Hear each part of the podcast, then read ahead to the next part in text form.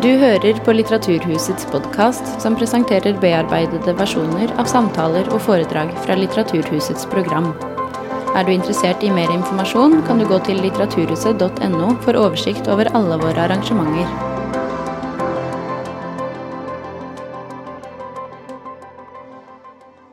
Eh, Hjertelig takk til Litteraturhuset og til alle gode mennesker som er interessert i litteraturen til Jon Fosse og alle andre som leser. Jeg går ikke ut lenger. Ei uro er kommet over meg og går ikke ut. Det var i sommer at uroa kom over meg. Trefte Knuten igjen. Har ikke sett han på sikkert ti år. Knuten og jeg. Alltid var vi sammen. Ei uro er kommet over meg. Jeg vet ikke hva det er, men han sitter i venstre armen i fingrene. Og jeg går ikke ut lenger. Jeg vet ikke hvorfor. Men jeg har ikke vært ute om døra på mange måneder. Det er bare denne uroa. Det er derfor jeg har bestemt meg for å skrive. Det her er åpningen på naustet eh, av Jon Fosse, som vi skal snakke litt om. Og jeg var jeg må da reise. Dere må være med meg til Bergen i starten av 90-årene nå, så dere kan klare det. Da var jeg en veldig ung mann som kom fra Stavanger. Og det var én ting jeg ville. Det var litteratur. Komme nær litteraturen, for det var det jeg var sulten på. Og så begynte jeg å høre ganske fort Ved litteraturvitenskap studerte jeg da selvfølgelig. Så begynte jeg å høre ganske fort et navn, apropos navnet ikke sant vel, som ble nevnt overalt. Jon Fosse! Jon Fosse! Jon Fosse! Det var noe nytt som hefta ved dette. Det var noe litt sånn elektrisk og dragende som hefta ved dette navnet som alle snakket om. Og så var det Naustet. Naustet. Det var ei bok som alle begynte å altså, Alle drog opp da. Og jeg er sånn laga at når folk holder på med sånt, så må jeg, jeg, må jeg i nærheten av dette. Jeg må i nærheten av den flammen som alle sier at det er tent. ikke sant vel? Og så fikk jeg i gave fra, fra, kjæresten min, som skulle bli mor til ungene mine, på eksamensdagen min i litteraturvitenskap i november 1992, denne boka 'Naustet'. Og Da åpna jeg denne boka, og så leste jeg disse setningene som jeg nå hadde memorert og leste for dere. Og kom inn i det som han i dag får Nobelprisen for. Den bølga, sant? Den musikaliteten, den repetisjonsteknikken hans, hvor han Han lager jo ikke han lager ikke omkvad sånn som du gjør i popmusikken, men det er like fengende som i popmusikken. Det er bare at han setter omkvadet på forskjellige steder og repeterer deg inn i tekstene. Og så er det nærheten. Den opplever jeg med en gang. Den u, nesten uutholdelige nærheten til karakterene og til smerten som de har. Det er modig gjort, og det er veldig godt gjort. Og så er det, tror jeg, det som han sjøl ofte snakket om i denne tiden, og som han trakk fram på, i Nobel-foredraget sitt, som han ikke har snakket om på veldig lenge som han den gang kalte for skriveren og skrifta. Det var mantraet til Jon Fosse i essaystikken hans mot slutten av 80-åra og inn i 80-åra og ganske lenge. Det var å si dette veldig enkle. Litteratur er ikke tale, det er skrift. Og bare der, i det at det er nedskrevet, så oppstår, mente Jon Fosse, og mener altså i dag, den spesifikke, helt spesifikke identiteten til litteraturen som kunstform. ikke sant vel? Alt dette var det jeg lærte den gangen da jeg møtte denne, denne litteraturen som beveget meg så uendelig sterkt ved særegenheten sin, som Brynjulf snakket om. Og jeg gjorde vel det som Brynjulf også sa, jeg begynte vel å kopiere. Det gjør vi alle, og det skal vi på en måte gjøre det helt fint før du blir satt fri sjøl. I hvert fall så jobbet jeg i studentradioen i Bergen på denne tiden sammen med en som heter Karl Ove, som var nesten to meter lange. Eh, og noen andre folk. Og det var Jon Fosse Naustet. Og så spurte jeg redaktøren i, i Studentradioen om ikke jeg kunne få lov å lage et portrettintervju med Jon Fosse. Jo, sa hun, det kunne jeg få gjøre. Og Så befinner jeg meg altså i en situasjon 20 år gammel, hvor jeg står foran en telefon inne på, inne på Studentradioen i Bergen og med et nummer i hendene. Og Jeg pleier ikke å skjelve. Det er ikke vanskelig for meg å stå på en scene. Jeg syns det er kjekt. Beklager det. Men der sto jeg sånn og skalv. Der sto der nummeret til Jon Fosse. Jeg skulle ringe til Jon Fosse. Det var, det var, større for meg enn å ringe til David Bowie. ikke sant vel? Og så tar han telefonen. Ja, det er Jon, ja. Ja, heia, det er Tore Renberg fra, eller, det er Tore Renberg fra Stavanger. Jeg, jeg, jeg studerer litteraturvitenskap her i byen. Du kunne ikke, eller Jeg lurer på om du kunne eh, stille opp i et portrettintervju. Lang pause. Ja. Ja. Ja, ja, et intervju, ja. Ja, for det at jeg tenkte at hvis jeg kunne få treffe deg nå, og så bare skulle vi snakke Ja, det kunne jeg klare, ja. ja. Ja, ja, så kjempebra, Jon Fosse. Tusen takk for det. For jeg har lest alle bøkene dine. Rødt, svart og stengitar og naustet og blodsteinen her. Og, og, og, men jeg har ikke lest den ene, da. Ja, det var så å si alle bøkene mine, det. Og så får jeg treffe han på Kafé Kim. Det er selvfølgelig den mest folketomme og helt ukjente kafeen i Bergen, for der trivdes han. Og så gjorde jeg et timelangt portrettintervju med Jon Fosse, hvor han snakker om alle disse tingene.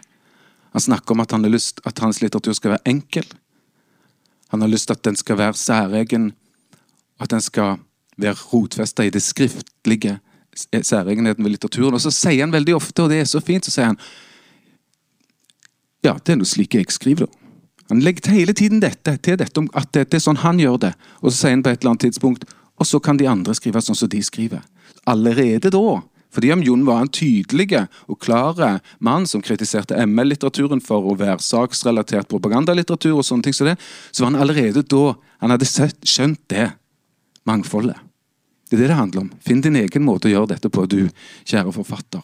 Og så og Jeg kom meg selvfølgelig til dette intervjuet med en annen agenda òg, da. Som jeg slo av båndspilleren, DAT-spilleren til studentradioen, og så sier jeg til Jon Fosse Det er sånn at jeg Eller, det er sånn at jeg òg skriver, da. Og så lange pause. Ja, kunne tenke meg det, ja. Eh, og så, så, ikke noe lang pause. Ja, så jeg lurte på om jeg kunne få sende deg en diktsamling, rett og slett. Lang pause. Ja. Bør, eh, bør den ikke for lang, da, den samlinga? Nei, sa jeg, nei, den er ikke noe særlig lang. Det er bare 98 dikt Han heter første ordbok. Ja, ja Det kan ta litt tid for å få svar på det her. Og så gikk jeg til postkassen. Hver dag i Bergen. Reiste hjem. Dette var mars. Reiste hjem til, til, til Stavanger om sommeren. Bodde hos mor mi. Gikk til postkassen, og så tror du ikke det kom brev fra Jon Fosse. Nå skal jeg lese det. For første gang skal dere få høre dette brevet som jeg har spart hos meg i alle disse år. Og det er bare å si Nasjonalbiblioteket, kom og hent det. Har det hjemme. Det er grisefint. Nå, se, nå klikket jeg det vekk her. Selvfølgelig. Klønete. Her har vi det. Skrevet i mars Nei, i juli 1993. Kjære Tore Renberg. Det første som slo meg da jeg las diktmanuskriptet ditt, var at det ikke var så helt ulikt et manuskript jeg sjøl skrev og satte sammen da jeg var på din alder. Til den historien hører det at manuskriptet ble refusert, og det var nok også det beste. Så refusjoner trenger du ikke misse motet av, de hører med. Det kan være av det gode, drive sin forfatter mer mot seg sjøl, mot sin egen desperasjon og sin egen transparens. Jeg vil ikke gå så mye i detalj inn på manuskriptet. Jeg tror nemlig at det er feil å gjøre det, for det er ikke der det stikker. Men heller i at det er for lite personligdom. Les om du vil idiosynkrasi, og for mye overflate. Les om du vil for mye ytre input. I selve premissen som er lagt inn i dette manuskriptet, for å si det teknisk. Når det er sagt, så må det legges til at det er både idiosynkrasi og djupne i manuskriptet, særlig mot slutten, og skal jeg trekke fram noen dikt særskilt, må det bli dikter som krinser rundt sønnens forhold til mora. Der er du virkelig i nærliggende noe, så vidt jeg klarer å se, i alle fall. Jeg kan bare råde deg til å skrive så nært deg sjøl som du bare kan, og dermed, hvis det lykkes, også skrive deg så langt bort fra deg sjøl som du bare kan, altså inn fra innsida i litterariteten, i litteraturen. Og i den forvandlinga, der kunsten oppstår, er det ikke så mye å hente for slike som meg. I beste fall kan en finne noe av det sagt gjennom at det ikke er sagt, i det en har skrevet. Så jeg ønsker deg lykke til med skrivinga videre og med sommeren. Og jeg beklager at det ikke er så mye jeg har å bidra med. Og jeg sender deg ei bok jeg har redigert om Olav H. Hauges poetikk. Sideskift. Uh, om Olav H. Hauges poetikk der Hauge sier at det kan vel være noe å hente Nei, og det kan vel være noe å hente i det Hauge sier, eller rett forstått, kanskje i det han ikke sier. Vi snakkes nok igjen. Og jeg leser Vi snakkes nok igjen, akkurat. Eh, ja vel, ja. Hva tid da? Eh, vi snakkes nok igjen. Og hør på det som kommer nå. Tenk dere meg nå. Salighet. Vi snakkes nok igjen. Om ikke før, så kanskje på et møte i Den norske forfatterforening. Helsing Jon Fosse, Bergen 1. juli 1993. Så jeg snakket med min gode kollega nå jeg av. Men jeg snakket med min gode kollega Vigdis Hjort her og fortalte om dette brevet, og så sier hun så utrolig fint gjort. Og det slår meg også, Dette er så raust. Dette er så uendelig raust gjort av Jon Fosse overfor han der masete fyren der. Og det er en vennlig mann, Jon, som har forstått alt dette her, og som har nå Brynjulf tok poenget mitt, så jeg trenger ikke si det, men som har stått helt støtt i sin integritet og gjort det som han skal gjøre. Og Det er, det er liksom beskjeden som alle skal ta. Du skal prøve å finne ut hvordan det er du skal løse ditt forfatterskap. Ikke noen andre sitt. Og han gjorde det. Og Han kom fra Strandebarm, han var nervøs og han fikk Nobelprisen. Så det, det kan være en løfterik tankegang for alle. Tusen takk for meg, og gratulerer.